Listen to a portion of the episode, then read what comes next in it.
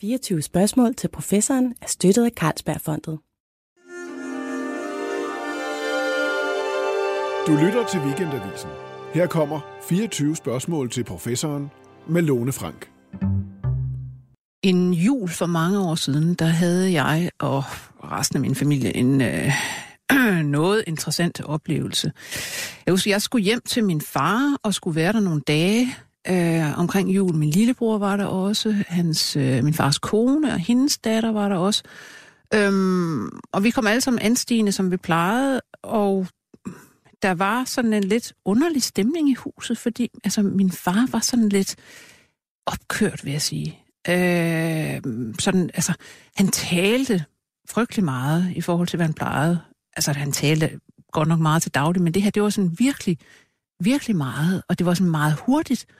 Og han var sådan ligesom, altså, energien var, der var skruet betydeligt op.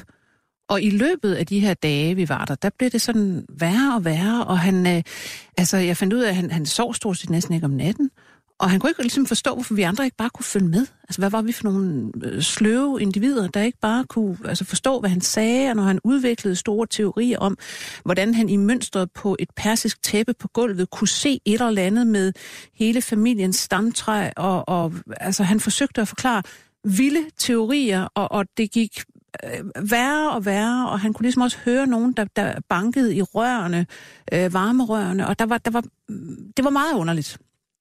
Og øh, til sidst, efter fire dage med det her, hvor det simpelthen var en stigende kurve af vanvid, der blev vi nødt til, vi andre, at, at foretage en opringning og få ham øh, tvangsindlagt simpelthen, og få ham undersøgt. Og det viste sig så, at han havde øh, bipolar sygdom. Simpelthen, han var inde i en rygende mani. Øh, og på det tidspunkt var han 60 år gammel, og det er øh, meget sent at blive diagnostiseret med bipolar sygdom. Og han havde det jo så resten af sit liv, øh, fik nogle manier, et par depressioner, men man måtte simpelthen leve med den der sygdom og dens op- og nedgange og forsøge at få sig selv under kontrol med og uden medicin. Øh, og det var, en, øh, det var en meget, meget voldsom oplevelse, husker jeg, det der med, at, at et menneske, man kender, går fra at være, som det plejer, til et eller andet tidspunkt, hvor man må sige, nej, nu er det simpelthen over grænsen, nu er det ikke bare underligt, nu er det, det må være sygt, det her. For nylig var det World Bipolar Day. Fordi det er en sygdom, der ikke bare rammer øh, nogle få, og, og hvad skal man sige, det er mellem 1 og 3 procent af befolkningen, og det er en sygdom med kæmpe store omkostninger, fordi den faktisk virkelig er øh, en tung øh, psykiatrisk sygdom. Så jeg synes, vi skulle bruge en, øh, en udsendelse på at snakke om, hvad er bipolar egentlig? Hvad gør man? Øh, hvad er man ved at finde ud af? Fordi man finder ud af mere og mere om, hvor det kommer fra rent genetisk og øh, biologisk osv. Og, og til at snakke om det her har jeg fået en ekspert, der både behandler mennesker med bipolar sygdom og forsker i sygdommen. Og det er dig, Maja Wienberg. Velkommen. Jo, tak skal du have. Du er klinisk forskningslektor ved Københavns Universitet og har arbejdet med den her sygdom meget, meget længe. Øhm, men allerførst prøv lige at give os sådan en karakteristik af, hvad er det egentlig for en sygdom? Hvad er det typiske sygdomsbillede? Bipolar ledelse er en sygdom, der er karakteriseret ved, at man får forandringer i en stemningsleje. Og det er jo det, som man sådan populært siger, ens humør. Men det, det, er, ikke, det er ikke kun lige nogle humørsvingninger, som alle mennesker kender det. Det er sådan grundlæggende forandringer i stemningslejet, hvor man afviger i længere tid for det, man slet ikke kender. Som du meget præcis beskriver med din far lige pludselig, så kører alt så stærkt, så man ikke selv kan følge med. Og desværre har den jo også det den maniske pol, men den har også den depressive pol, hvor at alt kører så langsomt, så man så at sige heller ikke kan følge med. Og, og det er altså inden for den, de samme mennesker, der oplever de her svingninger. Mm. Det er ikke et klassisk forløb, at man debuterer som 60-årig. Det er et klassisk forløb, man siger nærmest halvdelen debuterer i teenageårene. Og så er der nogle forskellige peaks. Der kommer nogle, specielt for kvinder, omkring børnefødsler. Mm-hmm. Der kan også komme omkring øh, øh, overgangsalder. Og så har vi faktisk det her lidt pushy, at der er nogle mænd, der kommer lige omkring 60-årsalderen. Kan øh. det have noget at gøre med, lad os sige, det store fald i testosteron, som nogle af dem oplever? Det var i hvert fald ikke nogen dårlig hypotese omkring det, fordi det ser lige så vel som kvinder er influeret af hormon, mm. så må man også mene, at mænd er det. Ja. Og de har jo den der lidt senere fald i hormonerne, så jeg ved ikke, hvor velundersøgt den øh, er.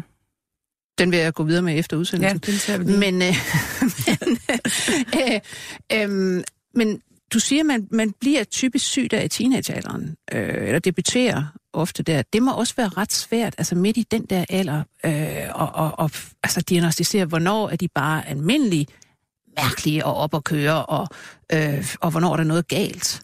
Jamen, og, og det der jo, det det medfører, hvad, hvad er teenageproblemer, hvornår trækker de sig op på værelset og sidder og spiller spil hele tiden, eller er kun ude i weekenderne og går ud og drikker med vennerne, eller hvad det kan være, der, der kan det være rigtig svært, men når de virkelig tæber, der er mange, de, mange af de unge mennesker, jeg ser i vores klinik, som er kompetencecenter på Rigshospital, hvor det er en specielt sted, hvor vi ser dem, der debuterer, der kommer de her unge mennesker, og de kan tit vise et, et tydeligt fald. For eksempel falder de i karakter fra mm. måske at have syv i gennemsnit, så ryger de lige pludselig ned på fem, eller det er i gymnasietiden. Det er en meget klassisk 2G-krise.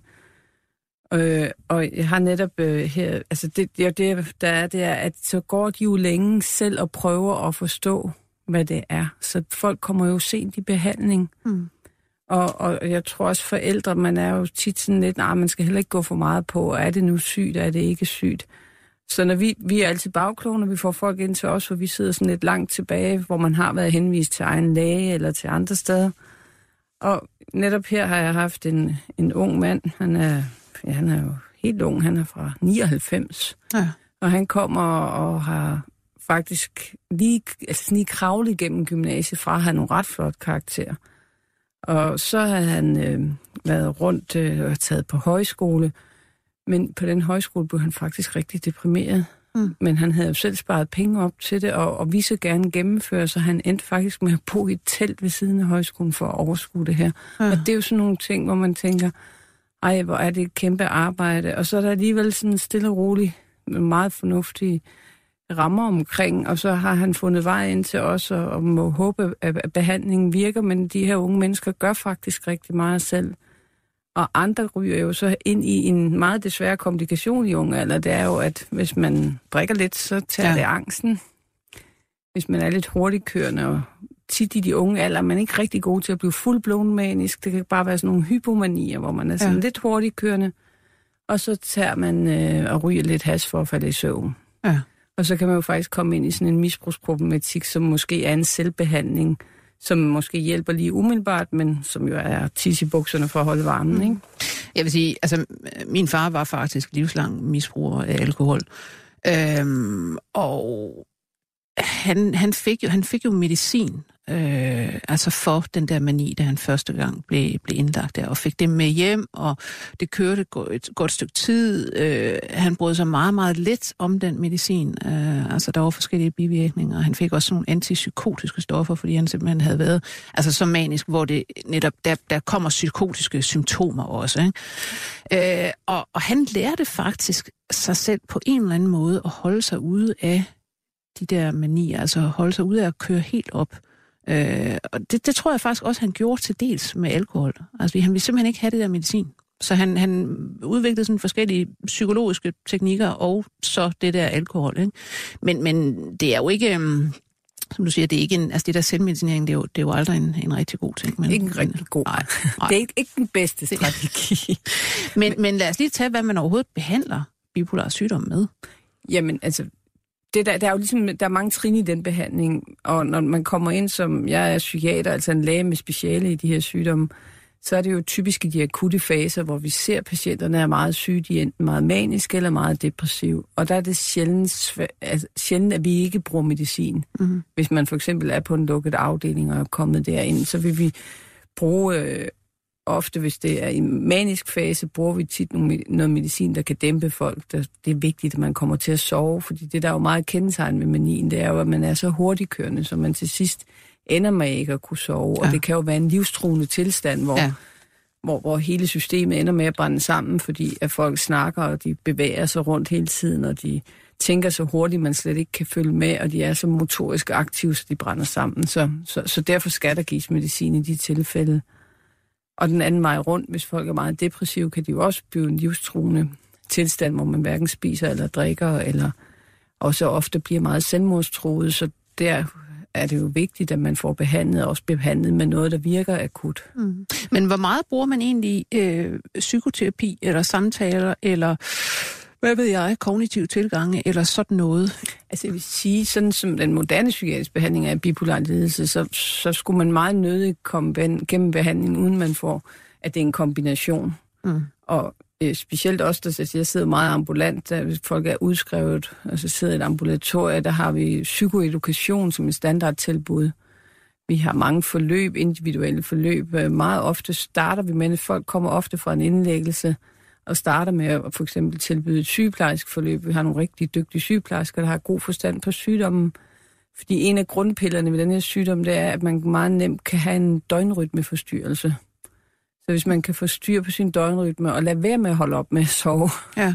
Selvfølgelig er det ikke bare let, der skal nogle gange også medicin til at hjælpe, men det der med at ligesom bare køre med på bølgen, og jeg har ikke brug for søvn og så videre, og så videre, det er rigtig, rigtig farligt for at udvikle manien, og der kan man nok lære at regulere det. Det er nok noget af det, din far har kunnet finde ud af, ja. at passe sin seng nogenlunde, og, og, det, og, og det bruger vi meget krudt på, og så er der jo også en del, der kan have noget, altså det er jo en sygdom, som er i familie, der er nogen, der har nogle svære opvækstvilkår, og der har vi nogle rigtig dygtige psykologer, vi også bruger til at, at hjælpe med det, men det er typisk, når de fleste er bedst til at arbejde med deres med sig selv, når man er lidt ude af sygdommen. Så det er ikke i de akutte faser, en, en psykologisk behandling er det bedste. Nej, jeg kan ikke forestille mig, efter at have set sådan en akut mani, at man kan sætte sig ned og tale fornuftigt med dem. Man bliver simpelthen man bliver kørt over.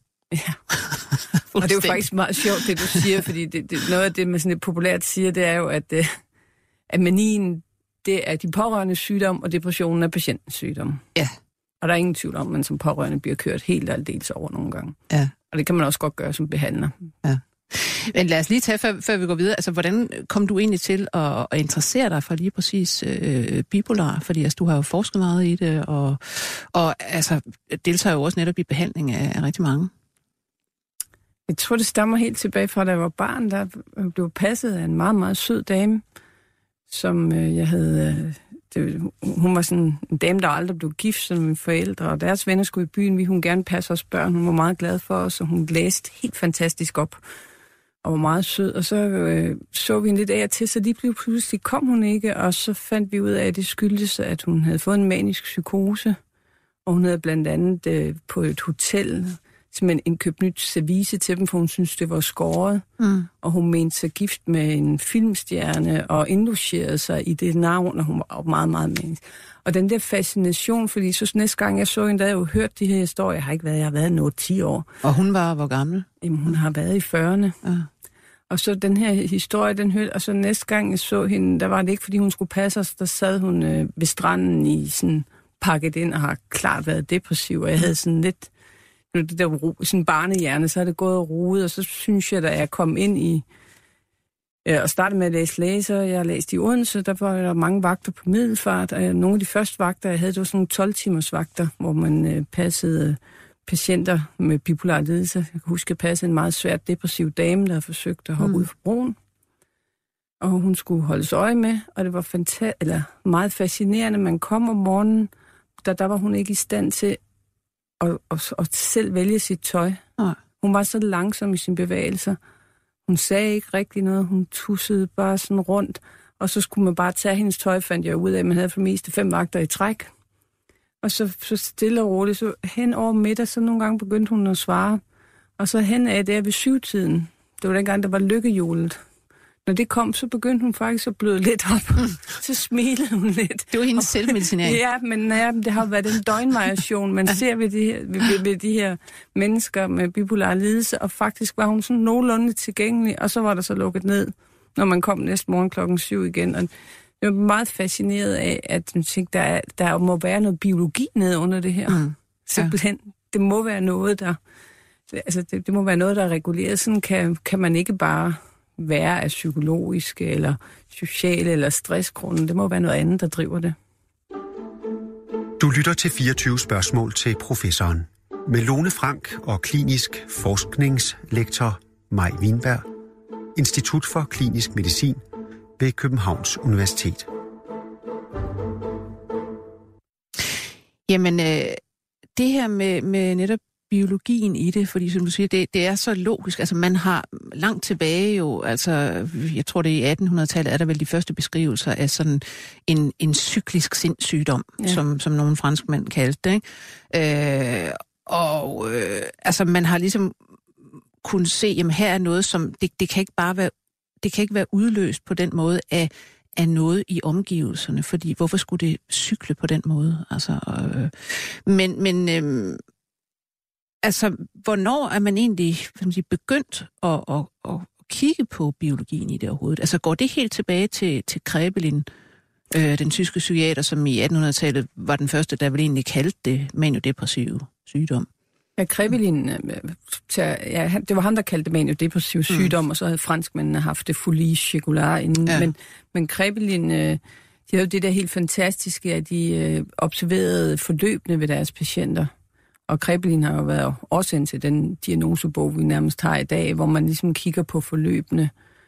Og, og der opdagede han jo, at der var nogen, der havde bedre forløb end dementia præcox, som var skizofreni dengang.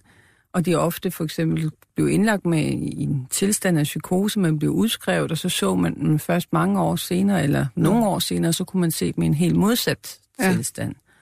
Men, og han har allerede i sin lærebog skrevet om, at det kunne være forstyrrelser i koglekirtlen, som jo var, eller er hypofysen. Og han lavede jo også nogle forskellige eksperimenter med, med det, man havde dengang øh, omkring alkohol og kloroform og nogle ting, og så om mm. der var noget biologi, man kunne påvirke. Ja. Man havde jo ikke meget behandling der. Nej, men, men som du siger, det er interessant, at, at psykiatrien startede jo egentlig som netop en, altså et område af, af, af af biologien, af medicinen på en eller anden måde. Altså det var først senere, at man så kom over i, at jamen, det er måske ikke noget biologi, det er noget andet, det er noget sindet, det er noget omgivelserne, det er da, da, da, da. Men, men det startede egentlig i hardcore biologi. Ja, jeg tror også, altså, Krebelin var jo ret vred på Freud. De nåede jo ja. at være der samtidig. Og, ja. Men Krebelin var de jo også lidt efter. Han, han var ikke så interesseret i at tale med patienterne, sagde man. Han ville bare observere. Ja, det var mere spændende. Men altså, så, som du siger, han kaldte det så maniodepressiv øh, sygdom eller maniodepressiv psykose. Og det har vi vel gjort op til, hvornår, 10 år siden? Eller ja, sådan noget ah, det er mere, mere. Altså, bipolar, det, det, det, ja. det kommer hen for i 90'erne, begynder man mere vi skriver stadigvæk i vores forskningsansøgninger bipolar affektiv sindslidelse, parentes maniodepressiv mm, ja. sygdom, fordi ja. det er det, folk kender til det. Ja, det hænger stadigvæk ved, ja, ja. selvom det egentlig ikke hedder det mere. Men øhm, øh, altså, så finder man på et tidspunkt, altså nu siger du, der, der var jo ikke ret meget at gøre i 1800-tallet. Altså man kunne observere folk, og, og øh, altså man har vel også op gennem tiden, altså specielt i de depressive faser, og også nogle gange midt i en mani, altså faktisk givet elektroshock, ja, for eksempel. Og, og så brugte man også opioider, altså ja. morfika og barbiturater. Ja, for simpelthen at dæmpe dem ned. Ja. ja. Men, men det første, der kommer, som, som faktisk har en rigtig god virkning, det er lithium. Ja. Og hvad er historien bag det? Lithiums historie er jo enormt spændende, og, og og Danmark har jo haft de første kliniske afprøvninger, mm. fordi det var brødrene Lange, der var på Middelfart øh, asyl dengang, øh, som, som brugte lithium, og formentlig, og der er et lille brev i det, her? omkring 1902, 1902 Ja. Øh, og der er lavet sådan en lille paper, hvor på, jeg mener, det er otte patienter, på beskrivelsen ser det ud til, at de måske givet lidt høje doser. Og der er også nogen, der mener, at Krøyer måske faktisk er blevet behandlet med lithium, for han kom jo den, der blev indlagt til ja. Krøyer, ja. Mm. Men så, så gik det i glemmebogen. Så var der, efter 2. verdenskrig, var der en australier kadet, der gik og prøvede forskellige ting, og, og har fundet det her lithium. Og så gav han det til marsvin, altså gnaveren marsvin. Ja. Og så observerede han, at de blev rolige, men ikke sederet. Altså, de læser ikke til at sove, de blev bare meget rolige i deres adfærd. Men hvordan finder man overhovedet ud finder på at tage et grundstof, altså lithium, og putte det i folk. Det kommer fra lægevidenskaben. Der man brugte jo også guld til gigt. Ja. Altså det var bare det der med at bruge metallerne, det tror jeg simpelthen har været der i 1800-tallet, det var en svøbe, så, så, så der, mm. der var man jo lidt mere, at vi skulle nok ikke gøre det nu, så Ej. faldt der brænde ned, men de ja. var, var jo lidt mere modige, men man havde jo heller ikke ret meget. Ej. Så man forsøgte sig simpelthen bare med, med, ja. med det her metal. Øh, og, og hvad sker der så efter hamstrene i Australien? Jamen, så er der jo i Aarhus øh, nogle forskere, blandt andet ham, der har den væsentlige forsker bag det, Måns Skov, som, som øh, beslutter sig for, at det vil vi gerne prøve på nogle af vores patienter. Og, og så laver man først nogle, sådan nogle lidt case-kontrolforsøg, og så laver man faktisk et meget fint forsøg, hvor man øh, trækker lod, og hvor man også laver det så fint, så fordi man kan se, at det virker, så sørger man for, at dem, der ikke fik ved lodtrækningen, kan få det senere hen. Og det gør man altså i samarbejde med Glostrup, hvor der var en læge, der hed Bostrup der, som virkelig har taget det store slag med at få patienter ind. Og jeg har faktisk mødt en, der har været med i det studie mm. tilbage. en dame, og hun var meget glad for det, og det har altid virket godt på en lithium. Og der viste de jo lithium, som man havde en meget markant effekt, specielt på manierne, i en grad, der gjorde jo, at, at selvom det var nogle samfundsstrukturer, der gjorde, at man begyndte at nedlægge asylerne, så var der jo også en del, der kunne blive udskrevet på det tidspunkt, ja. og leve et godt liv med lithium, hvor de næsten... Ja. Så. Altså, jeg havde en, en, øh, en tante, som er død for nogle år siden, men hun, øh, altså det kan jeg huske lige siden jeg var lille, øh, hun fik lithium, altså, og gik og rystede på hænderne. Og du det er sådan en typisk, der... øh, ja. Ja, sådan en ja. typisk bivirkning, ikke? Altså den, den der rysten. Øh, og så en gang imellem, altså med mange års mellemrum, så, så virkede det altså ikke godt nok. Så, så kom hun ind og fik elektroshock. Mm. Øh, typisk på, på grund af depression. Ikke? Ja. Øh, men, men altså generelt var det øh, meget Der godt. det holdt hende ja. for ret mange indlæggelser. Ja. Ja. Men, øh, men øh, altså, nu er vi ved det her med, med medicin og, og, og bivirkninger.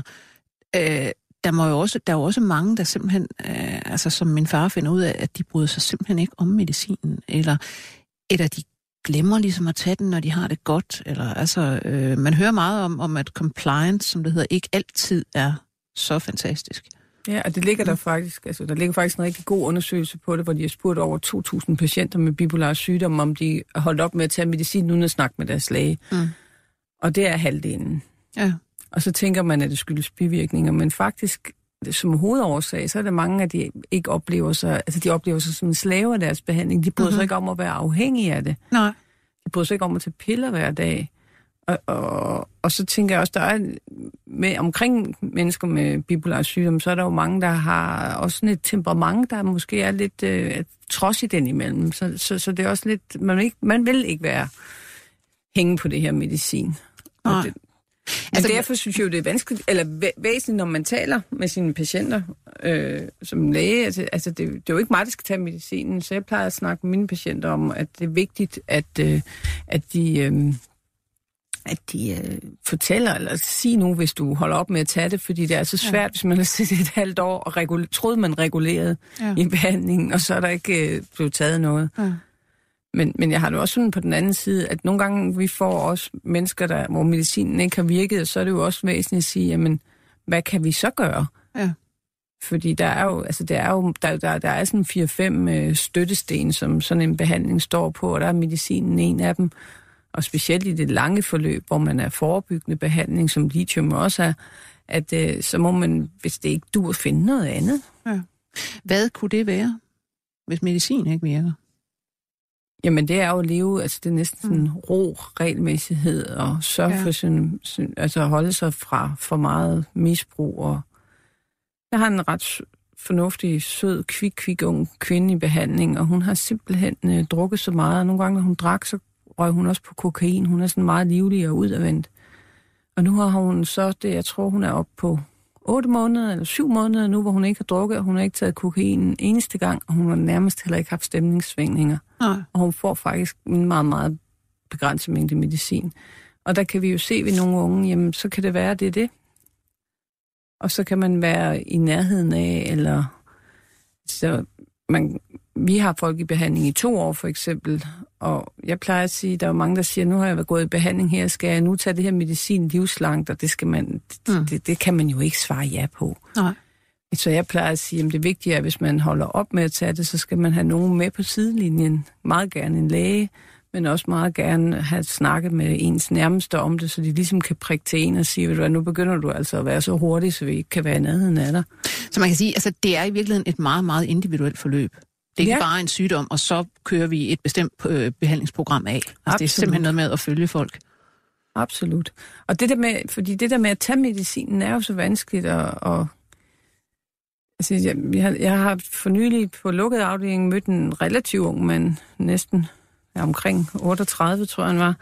Men veluddannet, har et godt liv. Han har gået i behandling med os for 10 år siden, og han er det, der hedder lithiumresponder. Det regner man med omkring 15-20 procent. De er simpelthen, du tager lithium, og så er din mm. sygdom nogenlunde i skak. Ja.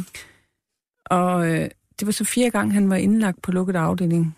Tre gange siden vi har set ham sidst, og vi sidder og snakker sammen, og så siger jeg, for det var hen af efter jul, og så siger det ser ud til, at du får julemanier. Og den her mani havde faktisk været alvorlig, og han havde haft noget med politiet og kørt for stærkt og sådan. Så siger han, nej, det er det ikke. Det er ikke julemanier, det er behandlingsmanier. Fordi at øh, behandlingssystemet er indrettet således, at jeg får en behandling, når jeg bliver indlagt på lukket afdeling. Så kommer jeg til et ambulant tilbud et halvt års tid, et års tid. Så kommer jeg til privatpraktiserende psykiater. Og så bliver jeg afsluttet fra derfra efter 10 gange, nogle gange heldigt 20 gange. Og så har jeg fået nyt job, og tingene kører for mig, og så glemmer jeg stille og roligt hen af efteråret og tage min øh, lithium en dag, og der er jo ikke nogen, der skal hen og se mine blodprøver. Mm. Og så, jeg har egentlig ikke, som han sagde, jeg har ikke besluttet at stoppe. Ja. Men det, det er jo ligesom a slip of the mind, og pludselig går det rigtig godt, og den periode er jo rigtig rar, og så går det galt, og så er det indlæggelse. Ja. Så. Men det, der, må også, der er sikkert rigtig mange derude, der har set Homeland. Eksempel, Ja. ikke? Hvor vi har Carrie, der er hovedpersonen.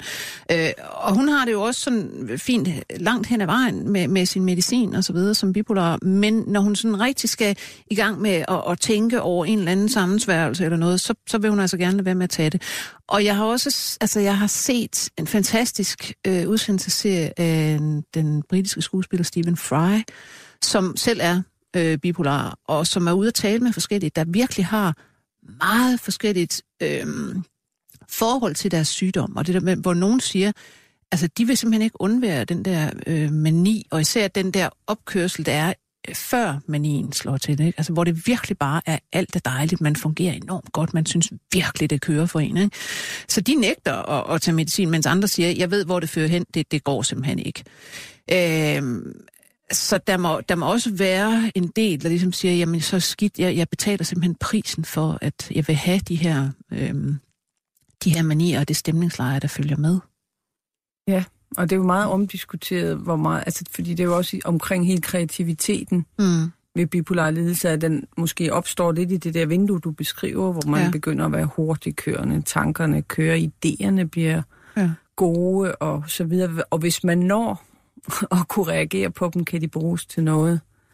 Men, men det kan også være meget vanskeligt, fordi jeg tænker, mange af de her i kreativiteten er der jo rigtig mange personer, som Virginia Woolf, der er Winston Churchill, øh, der er lige nu Kan- Kanye West, som jo Mm. er jo helt fantastisk i den måde, han fremstår på. og siger, at hans største sorg, det er jo, at han ikke kan se sig selv optræde. Ja. Øh, det er meget ja. interessant. ja, det må over, det er frygteligt. Ja. Det er et frygteligt sorg. Ja, det er en frygtelig sorg, ja. men, men, men og jeg tænker noget af det, som, altså, når, når man sidder tilbage som behandler, så kan man jo så godt se, for det første, altså Virginia Woolf, hun afsluttede jo desværre sit liv Mm. selv, så der havde været mere kreativitet tilbage, hvis hun havde været velbehandlet. Ja. Så, så jeg tænker, at de fleste har nok gavn af, at man bliver behandlet. Og så kan man sige, hvad er årsagerne til, at man har den kreativitet? Ja. Øh, om, Ja, fordi lad os lige slå fast, at det er jo faktisk sådan, der er skrevet en hel del om og forsket en hel del i, hvorfor det til synlædende er sådan, at der både i forhold til bipolar og også i forhold til skizofreni er en eller anden forbindelse til høj kreativitet. Ikke nødvendigvis i, i de syge individer, men så i, i hvad det hedder, øh, familien omkring. Altså det, ja. Det er noget med, at man deler gener, ikke? Og øh, altså, der er kommet for nyligt et, øh, et, øh, et stort amerikansk genetisk studie, der siger noget om det her.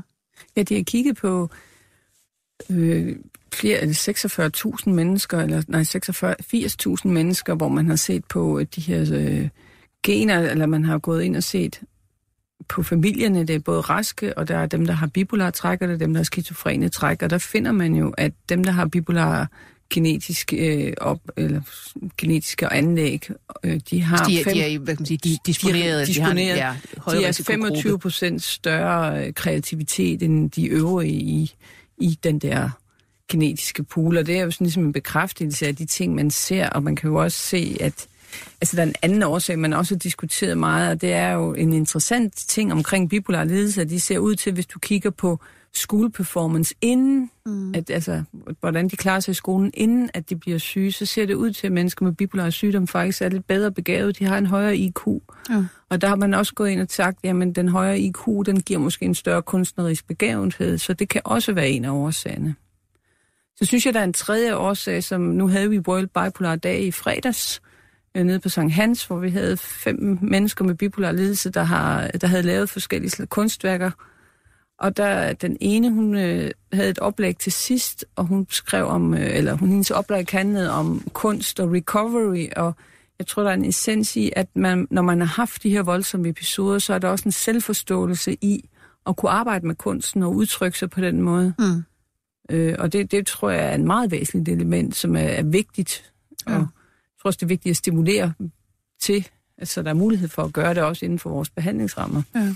Altså jeg kunne forestille mig, det, det jeg sådan hører netop folk, der er bipolar, den måde de øh, altså er i en mani, den måde de tænker på, øh, og, og det de ligesom ser, altså de ser nogle fuldstændig andre sammenhænge, og, og de ser en hel masse ting, som man ligesom må sige, okay, de har, de har været ude i et eller andet andet univers, ligesom mm. hvis man havde taget svampe, eller et eller andet. Ikke? Så de har ligesom et eller andet med tilbage, vil jeg tro, men man kan tære på, eller man kan lave kunst ud fra. Altså man ser jo specielt øhm, en, en stor forbindelse mellem øh, bipolar sygdom og så øh, forfattergærning. Ja. Altså specielt. Der er rigtig, og, rigtig mange det er forfatter. der, altså en langt større del af forfatter end af normalbefolkningen har, har bipolar lidelse. Og der var også øh. nogen, der får hypografi, som det hedder. Altså mm. at man skriver enormt meget. Ja. Og, og det kan jo, altså hvis man har skrevet en hel masse og kom ind til en af de store danske sjæle, der formentlig også har haft bipolar lidelse, det var Grundtvig. Ja, han var, altså, ja, det tror jeg også, man kan man læser de bøger om, det er jo ufatteligt så mange vers, han har kunne lave på ja. en salme. Altså, det, det er jo, han har jo virkelig, det er jo, han har rystet ud af ærmet, ikke? Og han havde jo så også de her depressioner en gang imellem, så ja. gik han jo helt i sort, ikke? Han gik så, meget i sort, og, ja. og de har jo også bragt ham ud af byen, både ja. efter manier og, ja. og i svær, svær mørk tilstand, ikke? Jo.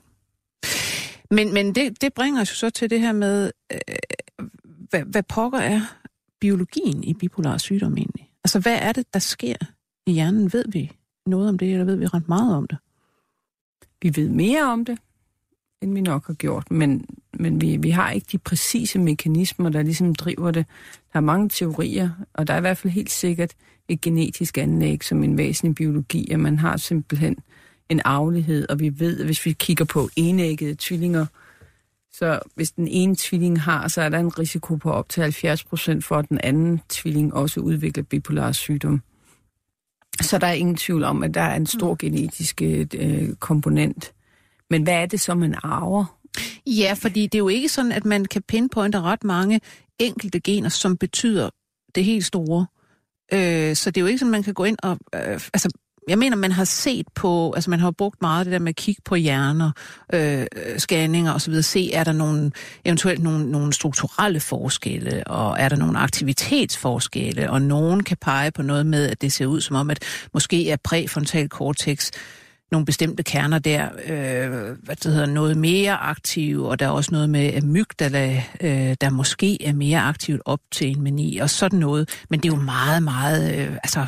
Ja, der er også kigget, vi kigget noget på belønningssystemet, ja. ikke? At det også ser ud til, at, at det måske ligesom kan over, blive overstimuleret. Mm. Og man ved jo også noget som ludomani kan være en en, en risiko ved bipolar sygdom, altså man simpelthen... De spiller huset væk, spil, eller ja, de, de giver alt muligt ja. til folk. Altså det er også de er meget, meget generøse, ja. og meget øh, sådan, så, så der er i hvert fald noget i belønningssystemet. Også det, hvis man får mange positive stimuli, så, så, så ender man i en mani. Altså der er jo ikke, der er jo faktisk mange, der får en, for eksempel når de blev student, eller vi kan også se det omvendte, at man danser på graven. Øh, når man, ja. altså, men det, når der bliver mange stimuli, så bliver det i hvert fald, så er man ikke god til at dæmpe det. Og der er andre, der kigger på, det kan være kommunikation med de forskellige hjernecentre, der, der er påvirket, og, og der ser ud til at være noget meget spændende forskning, hvor det ser ud til nogle af de baner, i hvert fald er tyndet noget ud og ændret. Men stadigvæk har vi jo ikke fundet sådan et signal. Jeg synes nogle andre ting, der er mere sådan på cellulært niveau, hvor man går ind og siger, at det er en energisygdom. Mm-hmm. Det er mitokondrierne, der er påvirket. Altså med de her små øh, energi, hvad skal man sige, kraftværker inde i cellen, som ja. producerer øh, energi i virkeligheden. Og, og, og, og, og det simpelthen er de her, at man stimulerer så meget. Altså for eksempel, en isbjørn har jo rigtig meget af det i sine trædepoter, for ellers mm. vil den jo fryse fast på... Øh, ja på, på isen, men, men, men hvis man forestiller sig, at det er sådan i hele kroppen, og der er jo nogle patienter, jeg har, der, altså det er så kropslig en sygdom, og de siger, jeg kan simpelthen mærke det, det, det, det bruser i mig, det energien, mm. det, det er ligesom flow, jeg behøver, nogen siger, jeg har aldrig taget kokain, det jeg kan nøjes med mine manier. Ja. Det er de andre, der, der har brug for sådan noget. Så den, altså, den er meget biologisk beskrevet også, og det kunne være interessant, hvis man kan se, om der er nogle signalmolekyler, der på en eller anden måde kobler godt op, og genetisk har man også fundet nogle ting, der kobler op til hele mitokondriesystemet. Men har man nogen som helst øh, hint fra, øh, at lithium virker? Altså, man, må, man burde jo kunne gå ud fra, okay, vi har et stof, der virker her. Hvad gør lithium i hjernen? Og dermed begynde at se på, hvad, hvad, hvad er der galt derinde? Det er meget et spændende spørgsmål, fordi vi, vi er med i et, et stort EU-projekt, hvor der er givet bevilling øh, udgående nede for Paris. Og der har man øh, besluttet sig for øh, ni centre i Europa og, og, og øh, undersøge meget grundigt de mennesker, der starter i lithium og følge dem i to år. Og der starter man faktisk med at lave nogle scanninger, hvor du kan se, hvor lithium binder hen i hjernen. Og for at, at, at kunne blive bedre til at sige, jamen hvis du var min patient, der skulle have lithium, så kunne jeg lave sådan en scanning og så se, at den binder lige nøjagtigt de rigtige steder. Så den har sådan en, man kan lave en personalized medicine. Mm. Det, så, så, så det vil være enormt, altså det bliver enormt spændende at se resultater af. Det er et udfordrende projekt, for det er lang tid for at skulle være i behandling med, med lithium. Og mange, der stopper hurtigt ja. på et tidspunkt. Men det er meget spændende, at vi har faktisk fået penge fra Region Hovedstaden til at få øh, over ved øh, professor Gitte Moos forskningsgruppe kunne lave de her øh, specielle scanninger af hjernen. Ja, fordi det er jo, synes jeg, interessant, at man netop ikke øh, altså, har fulgt det spor der med, med lithium. Altså, vi prøver at finde ud af, hvad, hvad power gør det. Altså, man har jo forsøgt ja. det, man har også på, kigget meget på det, noget, også noget hedder GSK3, og kigget på, om der var nogen, vi har faktisk prøvet i vores gruppe, men mm. måske der var for få deltagere, fordi det er det der nogle gange laver vi ret ja. mange med, så har vi en 40-60 stykker, og så laver vi de der type 2-fejl, at, at vi, vi ikke finder noget, men det kunne godt ja, være, ja, der var noget ja, i en større ikke, ja. øh, sample, så, så øh, vi ville mene, at vi burde kunne finde noget med lithium. Det er jo også en meget atypisk medicin i forhold ja. til de andre. Det går på ionkanalerne. Ja. Og... Som der jo fører der mange af i uh, mitokondrier af ja. alle mulige slags. Det kunne jo godt være dem. Det kunne nemlig mm. godt være det. Interessant. Men din forskning øh, i øvrigt, øh, eller i det hele taget, har vel gået meget på at, at, at kigge på det her med, med, altså med de arvelige omstændigheder og øh, altså det familiale og så videre. Prøv at fortælle lidt om, hvad du selv har gået og lavet. Jamen, jeg har lavet nogle studier, hvor vi har brugt de danske register til at kigge på tvillinger. Fordi vi tænkte tilbage i 2002, at det var meget interessant at kigge på tvillinger, men vi, vi egentlig, der i Tyskland lavet sådan en masse højrisikoundersøgelser, hvor man får patienter i skadestuen, og så spørger man, om man må spørge familien ad, mm. eller deres søskende eller børn, om de vil være med i et studie. Men der er rigtig mange, der siger nej, så er de i krise og så videre. Så tænkte vi, vi bruger registerne, og så har vi taget tvillinger ind fra tvillingeregisteret, og så har vi kodet det sammen med vores danske psykiatriske centralregister, så kunne vi få alle de tvillinger, der havde en diagnose med depression og med bipolar sygdom. Og så inviterede vi dem, som var raske, øh, og ja, dem startede jeg med at se i, i 2004-5, øh, og undersøge 234 mennesker, der, der var så søde at deltage, for vi tog den gruppe, der havde syge tvillinger, og så tog vi nogen, der var rask-raske, så vi havde kontroller med. Mm. Og så havde vi den fordel, når det fra registerne, så er det lavet på samme måde. Og dem, øh, der kunne vi se, at de havde nogle forskellige ting, hvor de var anderledes. Når man så tværsnitsmæssigt, så var den tvilling, der var afligt disponeret, lidt mere nervøs, lidt mere angst, og det er lidt højere det der personlighedstræk, der er neuroticisme, hvor man er sådan lidt ængstelig og farer ja. hurtigt op. Og øh, så efter syv år, der genundersøgte jeg dem, og der var så 40 af de her mennesker, der havde været med, der var blevet syge. Og der kunne man se, at der var nogle forskellige ting, der prædikterede, hvorfor, eller forudså, hvorfor de var blevet syge. Og der var det helt klart, at hvis man var en risikotvilling, som det hedder, og havde en søskende, der var syg, så var der en stor risiko. Det trak næsten det hele. Men når man, også når man havde det her øh, ængstlige personlighedstræk, mm, så blev ja. man nemmere syg. Og så endelig var der noget meget interessant. Vi havde testet dem kognitivt, og der kunne man se, at det, der hedder eksekutivfunktionen, Altså det er en planlægning ja. og, og målstyring, og nu gør jeg det her. Og, ja. Sådan en organisering ja. og, og så kunne eksekvere. Mm, og motivation, altså ja. kunne motivere sig til at gøre ting og så videre. At det, det, det øh, prædikterede faktisk også, at man, øh, man, blev, øh, man fik en sygdomsepisode. Og det var så, altså at man havde lavere Ja, når man var, var dårligere på den, ja. den funktion. Og det var jo ikke, fordi nogle af de her tvillinger var vildt dårlige, men, men der er jo selvfølgelig variation i. Men den, selvom man, man fjernede alt det der med, at de var familiære i risiko, det, så prædikterede det faktisk, at de blev syge. Mm. Ved man noget om, hvad, fordi der skal jo også øh, noget til at få det til at bryde ud. Altså det er jo ikke 100% arveligt, det er jo sådan mellem 60 og 80% arveligt. Så der skal nogle, formentlig også nogle udløsende miljøfaktorer til, eller nogle miljøfaktorer, der har udspillet sig øh, lang tid før udbruddet. Ved man noget om, hvad der er risikofaktorer der? Der, er jo, der er jo en del risikofaktorer. Altså sådan noget som at, at blive født for tidligt, eller være mm. small for date, altså ja. helt tilbage, hvis man går der. Øh, men, men så er der jo, som det er med alle vores psykiske sygdomme, altså en dårlig barndom er jo desværre noget, der, der giver impact hele ens liv. Og så er der så spørgsmål, som vi desværre ikke har undersøgt så grundigt, men alligevel har kigget på, det er jo hele det der, hvad, altså hvad, hvad indtager vi af kost, og mm. øh, hvordan øh, bevæger vi os, så meget exercise laver man. Og der har vi øh, kigget på en anden tvillingekohorte, hvor vi kigger på enæggede tvillinger, der er syge, og så er der nogen, der er, de er jo meget disponeret til den her sygdom, og så har vi en gruppe, der er raske, og der har vi kigget på deres tarmflora. Mm. Og øh, det var meget interessante resultater, vi fik. Vi blev lidt overrasket over det, fordi det er jo sådan lidt hypet at kigge på tarmflora. Det skal alle jo gøre, ja, sådan ja. set. Ja. Det er rigtig smart at gøre. Nå, men det vi fandt, det var, at når vi har de her uh, tvillinger, så de, dem, der er syge, de havde sådan lidt uh, mindre rig tarmflora. Det er noget, man ser meget ved sygdom. Øh, men så havde vi jo dem der, der var meget arveligt disponeret, altså de diskordante tvillinger, de så ud til akkurat samme mønster, og så fandt vi faktisk en speciel bakterieslægt, der hedder Christianicella, mm-hmm. og det er en slægt, som normalt er associeret med, at man har et godt helbred, man har svært ved at tage på, og man holder sig sådan slank og kan nok tåle og, og at spise sådan lidt forkert i en periode, uden det gør det store impact. Og det så så ud til, eller de her tvillinger, der var syge, og deres øh, medtvillinger, de havde meget mindre af det. De, de havde næsten ikke noget af den slægt.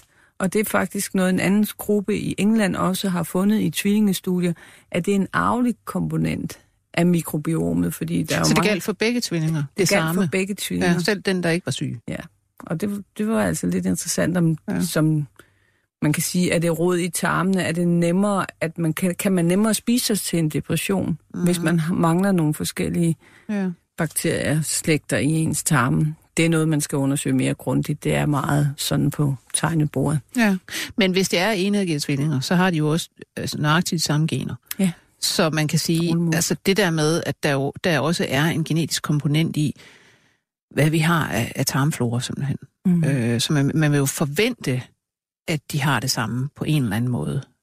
Med mindre, man kan sige, altså, her kan man vel så sige, jamen det er ikke tarmfloraen i sig selv, der i hvert fald gør, at man er syg. For de har det begge to. Ja. Det samme. Men, øhm... Men man kan også sige, at vi har jo set dem relativt unge, så, så man kan sige, at det tarmfloren, der ja. på sigt, ja. de, de, dem vil vi også gerne genundersøge, for det kan jo også være, at dem, der har allerfærrest, det er dem, der så også udvikler ja. sygdom. Men der er jo ingen tvivl om, altså risiko er jo både, risiko kan jo godt være en en god ting at tage en risiko. Mm. Så det, det, nogle gange kan det jo også, når man undersøger sådan en risikofaktor, finde nogle modstands- eller resilience-faktorer. Ja. Og det er jo også væsentligt, fordi det er jo egentlig det gode spørgsmål. Som læge er vi jo vant til at kigge på det syge, men man kan også vente om at sige, Ja, hvad, hvad er det, der beskytter? Hvad er det, der beskytter ja. folk for at udvikle sygdom, eller for at få en tilbagefald? Men har man nogen idé om, om sådan nogle øh, beskyttende faktorer i forhold til Der har vi kigget meget på, på ja. coping-strategier, og man ved i hvert fald, at det, at du øh, har sådan nogle coping-strategier, task-oriented. Altså, du gør noget. Ja. Du reagerer på det, du... Du går ikke ind i sengen og begynder at sidde og drikke alkohol, eller spise mm. snack, eller mm. lukker helt ned, og lade være med at ringe til nogen. Altså, hvis man griber ud og prøver på at ændre en strategi, og prøve på at få andre med ind på råd, det er i hvert fald rigtig godt. God mestringsstrategi. Altså, så det gør noget for prognosen? Ja. Men det her med, om, om, om der er nogle beskyttende faktorer i forhold til at, at udløse sygdommen, nu tænker Men jeg... det, det tænker jeg også, det gør inden. Ja, ja. Fordi det er i hvert fald det, vi kan se i vores tvillingkohorte, mm. at dem, der ikke er blevet syge, de er bedre til at betjene sig af de her, Okay, ser det Ja. ud til. Ja. Øh, med de her mestringsstrategier. interessant. Med hensyn til øh, øh, det genetiske, øh, der har man jo forsøgt faktisk langt tilbage, jeg tror det er helt tilbage til, til 69, men egentlig sådan øh, fandt den første, det første link til en, regi, et, en region på et eller andet kromosom. Ikke? Og det er jo langt tilbage, før man kunne det, som man kan i dag.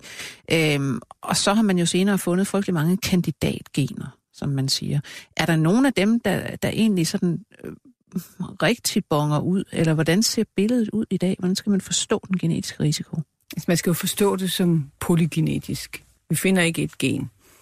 Men, men, men der er jo nogle, nogle af de gener, der ligger, der, der er blandt andet lagt 24 kandidatgener ud omkring hjertesygdomme, hvor der er en overlap.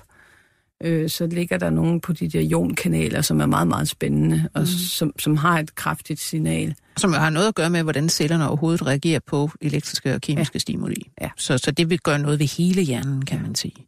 Absolut. Mm. Så, så det er nogle meget spændende ting, men, men det er stadigvæk, at vi skal have oversat det ordentligt, så det passer ind i vores kliniske hverdag. Og jeg tror også, det er sådan, at biologien har jo ikke læst vores diagnosebøger. Nej. Så noget af det går nok på tværs af diagnoserne.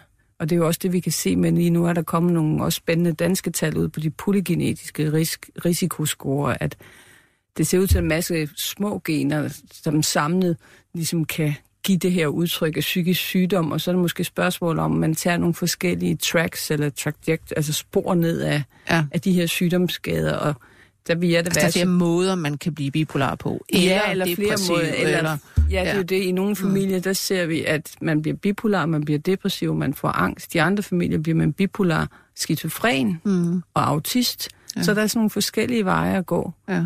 Der er meget overlap mellem de her øh, genetiske risikofaktorer. Og det her med, altså det vil jeg så bare sige som en, en servicemeddelelse, at hvis man vil høre mere om polygene risikoscore, altså det her med, hvordan man beregner risiko ud fra alle ens gener, om så må sige, så har vi en udsendelse liggende med åh, Thomas Værge, var det. Ja, øh, den ligger et sted. Øhm, men med hensyn til øh, netop det her med polygene risikoscore osv., der er jo meget gang i forskningen herhjemme. Et stort ja. konsortium, der hedder ISIC.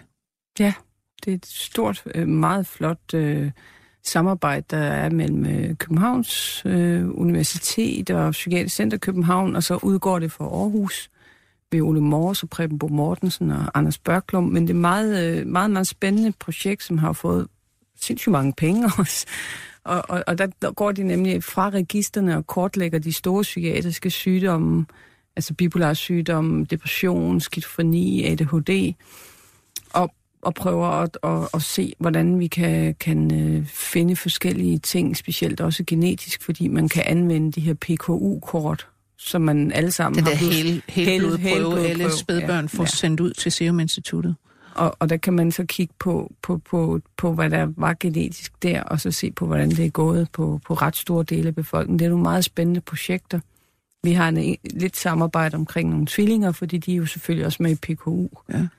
Men, øh, men hvis man vender tilbageført lige til det der med de beskyttende faktorer og det familiære, så der er jo ingen tvivl om, at de her sygdomme, de ophober i familie, men det er jo ikke sådan, at man har fået sådan en dom om, at det, det går aldrig godt. Det, altså, det går jo generelt godt, og man, fordi man har en bipolar sygdom, kan man jo sagtens få børn, og vi har faktisk graviditetsrådgivning som en af, af vores... Øh, Men kommer jeres patienter og, og er bekymret for, øh, om de ikke bør få børn, eller hvordan? ja, det er der nogen, der gør. Eller siger, hvad skal jeg gøre, hvis jeg vil have børn? Mm. Og, og vi, vi har simpelthen som rådgivning allerede, inden man beslutter sig også, fordi hvis man får medicin, er der nogle ting, man skal tage hensyn til. Så det er en rigtig, rigtig fornuftig ting at kunne gøre. og kunne snakke med folk om, hvordan planlægger du det. Og man skal nok som gravid med en psykisk sygdom være meget mere skarp på, hvordan man nu klarer, altså for eksempel lige når man har født, så skal man måske ikke lige have 20 mennesker, der besøger inden, en inden for de første to døgn, så man skal lære at passe godt på sig selv. Ja, du sagde også øh, tidligere, at der var noget med, at øh, øh graviditet og børnefødsler øh, godt kunne aggravere, eller, eller måske ligefrem udløse bipolar sygdom hos kvinder, så, så hvis Derfor man har det i forvejen, så ja. ja. Derfor skal man passe på lige netop der. Mm.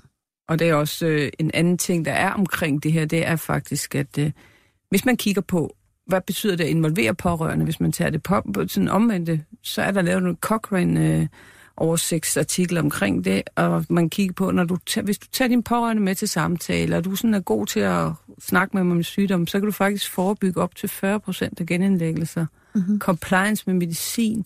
Den, vi har jo ikke noget andet, der kan gøre det, så er de vigtige behandlingsstrategier, så er det faktisk... Pårørende der er det vigtigste ja, det, det er meget vigtigt at tage pårørende med. Men, men øh, har I meget pårørende rådgivning? Altså, Pårørende er altid velkommen til at komme med. Ja. Det er rart nogle gange at vide det, fordi så kan man jo lige tage ekstra tid til det, men så har vi det, der hedder pårørende undervisning. mm. Men hvor vi har sådan syv gange, hvor man om eftermiddagen kan komme, og så kører man til, altså sådan undervisning, diskussion af, hvad det er for sygdom, hvorfor tager man medicin, hvad er det for en slags sygdom, hvad kan du gøre som pårørende, og hvor, altså, hvordan samarbejder man omkring, både med behandler og sin, Ja. sin patient. Og hvad, hvad kan man egentlig gøre som pårørende? Hvad, hvordan skal man tænke? Jeg tror, man skal tænke som om, det var en hver anden sygdom, man kan støtte, man kan spørge til det. Og man kan også acceptere, hvis jeg siger, det skal du ikke blande dig i. Men man skal ikke blive sådan en psykostrisser, som vores unge kalder det, ikke? At mor sidder derhjemme, eller kæresten sidder derhjemme og siger, ah, du har ikke været lidt hurtigt kørende her, du gik først i seng klokken halv tolv. Ja. Det, det er en svær en at komme ind i. Øh, så, men når de, med de gode pårørende, og når det kører, når man bliver oplyst, så, så er det, giver det altså noget synergi, der virkelig hjælper og støtter. Men det siger så også noget om, det faktisk det kan være halvsvært at være pårørende. Ja. Sådan som jeg hører det der. Og det altså, er jo fordi man, man har nok meget lyst til, det kommer altså an på ens egen personlighed, men man kunne forestille sig, at mange har meget lyst til virkelig at passe godt på, ikke? Altså, om man lægger mærke til de der tegn. Åh Ja. oh, nej, ikke? nu er vi på vej til det der. Ja, og det, altså, det, det er jo også svært, hvis, i man, specielt i manieren, der bliver brugt penge. Hvis folk er hyperseksuelle, som er et af symptomerne, mm. så, så risikerer man jo utroskab, og det kan give frygtelig mange konflikter. Mm. og det er sådan, at man er, man er ikke mindre øh, sammen med andre, inden man får den her sygdom, som man for eksempel ser ved skizofreni, de lever mere alene. Ja. Men det gør de mennesker med bipolar sygdom ikke, men når de har fået sygdommen, ender de altså med at være, leve mere alene og blive hyppigere skilt. Ja. Hvordan ser øh, sygdomsbilledet egentlig ud med hensyn til øh, altså det her cykliske? Hvor langt er der mellem, øh, i sådan et typisk forløb, hvis man overhovedet kan sige noget om det, hvor langt er der mellem manier og, og depressioner? Eller hvad, man kan sige, hvad er spændet i, hvor langt der kan være mellem? Det var 40.000 kroner spørgsmål. ja, der, der kan være langt for nogen og for andre. Altså desværre er det sådan, og det er noget det, at professor Lars Kessing har påvist, det er jo, og som Krebelin allerede var inde på, det er, at hvis du jo flere episoder du får, jo kortere tid bliver der ligesom imellem dem. Det man kalder Så- kindling-effekt. Kindling, ja. Det ser ud til, at du på en eller anden måde, så, så laver du arvæv, når du får mange eller når du får episoder. Så jo, jo længere tid man kan være velbehandlet og undgå det, er en investering i, jo længere tid der går imellem. Og så er det jo desværre ikke sådan, at hvis man kunne bruge det individuelt, og jeg kunne se på, at Søren her, at der er 17 år til han får sin næste episode, mm. så kunne vi jo vente med medicinen til om de 17 år, hvis Ja. han oplever rask. Desværre, der ved vi ikke nok om det. Det, det, det vil være rigtig en guldgruppe at kunne gå i gang med. Ja. Så, det er egentlig, øh, altså det er egentlig, det lyder så meget som om, det, det er virkelig et spørgsmål om at øh, erkende, man har den her sygdom, man ved meget lidt om, hvordan det vil gå. Øh, man må forsøge sig frem med sine behandlere og sin medicin, og man må have sine øh, pårørende med i virkeligheden. Mm. Og jeg tænker, det vigtige er at man... Altså, jeg synes jo egentlig, hvis man har sådan en bipolar sygdom, der er svær at behandle, eller man ligesom er i medicinsk behandling, så skulle man godt have garanti for at have en læge med sig. Gerne en psykiater, der har, har forstand på farmakologien. Og så tror jeg, det er rigtig vigtigt, at man har en ven. Mm. Og det kan nogle gange, ser vi i hvert fald i vores grupper der, at det bliver en bedste ven, der også har sygdommen. Fordi det er godt at have en, der sådan ligesom et sted at have sin sygdom. Og så lærer man jo mange af vores patienter jo sig selv meget at kende, for at kunne håndtere den. Ja. Jamen ved du hvad, Maja Wienberg, klinisk forskningslektor ved KU. Jeg vil sige mange tak, fordi du kom hen. Selv tak. Og jeg skal sige, at vi er produceret af Ninette Birk. Jeg hedder Lone Frank. På genhør.